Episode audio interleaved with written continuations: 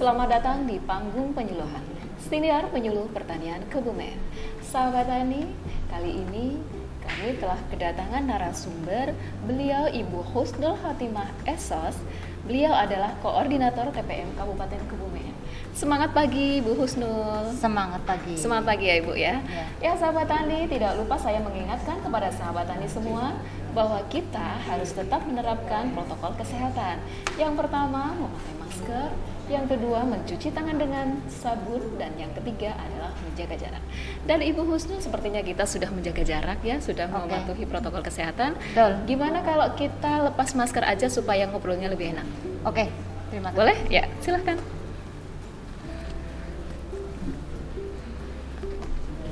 Silahkan dipakai.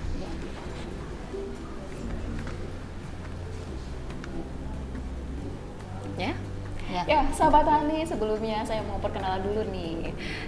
Beliau adalah Ibu Husnul Khotimah Esos. Ya, apa kabarnya ini Ibu Husnul? Alhamdulillah sehat. Sehat ya, Ya. walaupun di masa pandemi sekarang seperti Ya. sekarang ini yang penting kita harus tetap menjaga kesehatan. Betul. Betul. Ya Ibu Ibu Husnul ya panggilannya Ya. ya. Ya. Ibu Husnul ini adalah koordinator TPM Kabupaten Kebumen. Nah, TPM itu adalah tenaga pendamping masyarakat. Nah, ini untuk eh, mengawali pembicaraan kita, Ya. obrolan kita. Ini ada hubungannya kah dengan P3A? Mm-mm. Nah, untuk sahabat tani di rumah, pastinya sudah tidak asing lagi dengan P3A. Ya. Ya kan? Ini ya sudah berhubungan dengan pengairan. Ya, Betul. betul. Ya, nanti bisa dijelaskan dulu mungkin ada sahabat tani yang belum paham tentang P3A. Ternyata selama ini masuk dalam kelompok tani tapi ternyata tidak paham dengan adanya P3A. Bisa dijelaskan Ibu Husnul, silahkan. Eh, Oke, terima kasih Mbak. Eh, jadi saya perkenalan dulu, saya Khotimah, tadi koordinator tenaga pendamping masyarakat bahwa di Kabupaten Kebumen ini eh, kami direkrut ada 33 tenaga pendamping masyarakat yang ditugaskan untuk mendampingi P3A. P3A. Jadi eh, P3A itu adalah perkumpulan petani pemakai air. Perkumpulan petani Ah, pemakai iya. air. Ya. Yang dibentuk, kami menginisiasi membentuk P3A di setiap desa. Setiap desa berarti ada ya Bu harusnya ya. Harusnya begitu, Mm-mm. ya. Jadi eh, memang ada beberapa desa yang setelah kami diterjunkan dimobilisasi, Mm-mm. ada beberapa desa yang belum terbentuk ataupun ada ada sudah eh, sudah terbentuk tetapi Tidak jalan. belum aktif. Belum nah, aktif. ini tugas kami, tugas TPM Mm-mm. yang eh, mengaktifkan. gitu. Oh ya, jadi P3A, P3A. Ya. Agak ribet nih Bu. P3A adalah perkumpulan Petani, petani pemakai, air. air. Betul. Ya, ini beda dengan kelompok tani berarti ya Bu ya. Ya, jadi eh, mungkin apa eh, wadahnya saja yang berbeda Wadahnya ya, berbeda. tapi ya di P3A itu kaitannya dengan peranannya pengaturan air. Mhm. ya. Kalau poktan itu kelompok tani itu kaitannya dengan eh, tanamannya ya, gitu loh. Pola tanamnya atau budidayanya mungkin ya. Ya, kalau Jadi- kelompok tani kita kan sudah jelas sebagai Ah. wadah untuk pembelajaran. Betul. Ya, Ah. pembelajaran kita di bidang pertanian kalau eh, dari budidaya atau sampai pemasarannya Ya. gitu. Nah, kalau P3A sendiri itu fungsinya apa ini, Bu? Iya, jadi eh, ini untuk tahun 2020 memang P3A Mhm. pembinanya Mhm. kembali ke DPUPR, P- DPUPR dalam hal DPUPR. ini ya, Mhm. dalam ini bidang SDA. Nah, eh, bidang SDA tahu eh, kita sudah tahu bahwa eh, bidang di sumber daya air. Nah, jadi eh, untuk P3A ini eh, berfungsi kenapa dibentuk di setiap desa? Karena eh, P3A mempunyai fungsi untuk mengelola, merawat jaringan irigasi di tingkat tersier. Nah, di tingkat tersier itu berarti basisnya di tingkat desa. Desa. Iya. Nah, selain itu juga eh, P3A berfungsi untuk mengelola atau me- menghilangkan konflik ya ketika terjadi ada konflik perebutan air. Nah, yang berperan untuk menyelesaikan itu adalah P3A. Jadi sering terjadi ada perebutan air di tingkat petani. Nah, P3A lah yang berperan, termasuk juga untuk mengatur, kan, mengatur jadwal air hari ini harus ke mana di blok mana. Nah, itu P3A yang mengatur. Oh, berarti P3A itu juga termasuk dalam satu kelompok gitu ya, kelompok. Ada pengurusnya juga kan ya? Betul. Jadi ya, jadi P3A itu sebuah organisasi. Mm-mm. Organisasi organisasi sosial yang eh, bersifat gotong royong. Nah, jadi harapannya adalah eh, para pengurus P3A termasuk anggotanya mempunyai jiwa apa jiwa sukarela gitu ya juga, juga sukarela karena di situ uh, organisasinya memang uh, harapannya itu tumbuh dan mandiri dari anggotanya yaitu dalam hal ini petaninya sebenarnya tidak jauh beda ya dengan kelompok tani. Yeah. Nah ini untuk anggotanya, anggotanya P3A atau pengurusnya, hmm. apakah bisa sama dengan yang kelompok tani atau gimana?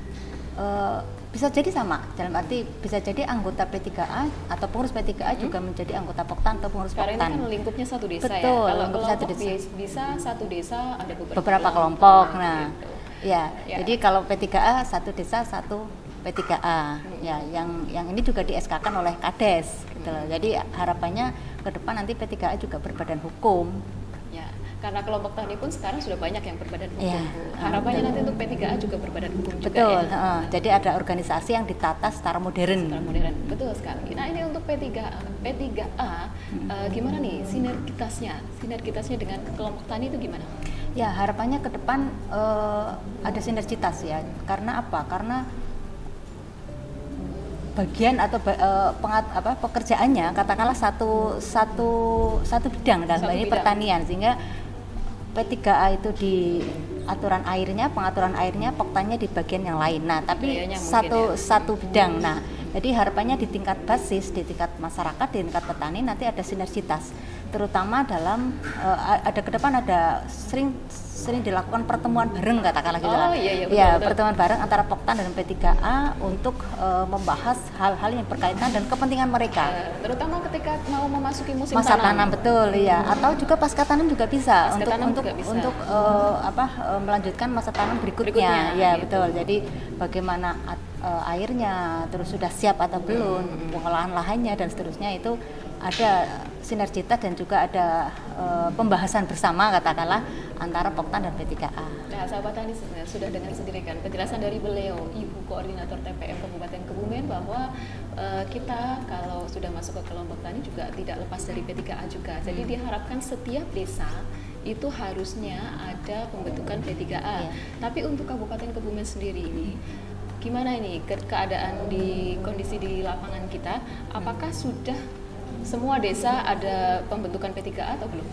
Ya, jadi uh, dalam program kami diterjunkan dalam program IPDMIP Mbak. Jadi program yang uh, untuk mengelola dan pengaturan irigasi, irigasi teknis ya, irigasi dengan berbasis masyarakat dalam ini ada partisipasi masyarakat.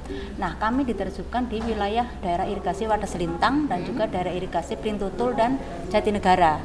Nah, uh, di tempat kami bertugas memang sudah ada uh, desa yang ada P3A-nya. Tapi mungkin selama ini kurang aktif ya kami menyebutkan kurang aktif. Nah, tugas kami dalam mengaktifkan. Tapi juga atas apa temuan TPM juga ada beberapa desa yang tidak ada P3-nya karena uh, atas apa pengakuan dari kadesnya hmm. merasa tidak ada air di situ, tidak ada air irigasi teknis maksud saya. Hmm. Jadi uh, mereka tidak uh, mereka belum pernah ya, gitu ya belum, terbentuk P3A. Nah, contohnya desa uh, Blengkor Wetan itu uh, Singoyudan itu kami hmm, ya uh, kami bentuk kemarin jadi pembentukan baru.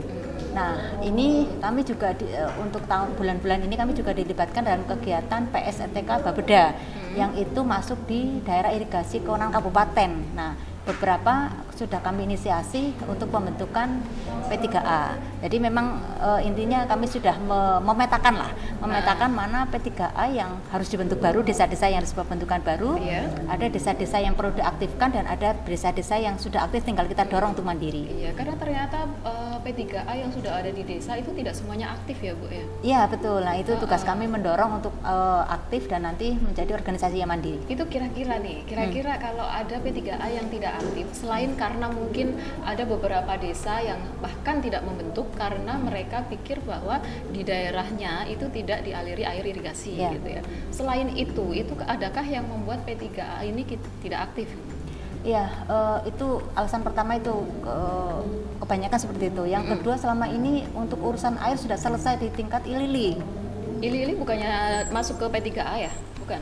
Jadi uh, setelah ada P3 setelah ada P3A ini kami leburkan Jadi masuk ke pengurusan tetapi selama ini di tingkat desa pengaturan air dilakukan oleh ilili yang sifatnya personal.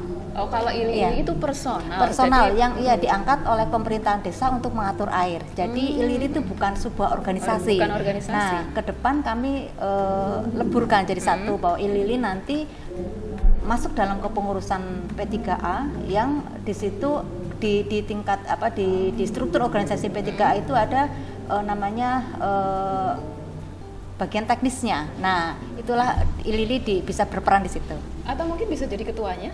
Boleh, boleh Karena- ketua sekretariat iya yang betul. sudah berpengalaman Sudah, iya, sudah perairan. sudah paham petanya katakanlah nah, peta. itu biasanya kan kalau ili-ili itu yang yang tahu wilayahnya. betul, gitu. wilayah itu bisa paham dijadikan wilayahnya. ketua ya. Hmm, bisa.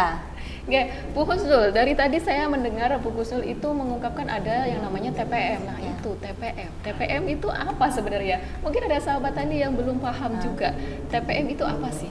Ya, eh, TPM itu tenaga pendamping masyarakat ya. Hmm. Eh, nah, kami ditugaskan di program IPDMIP ini untuk eh, melakukan pembinaan dan pendampingan un- P3A tadi kelompok per- perkumpulan petani pemakai air ya.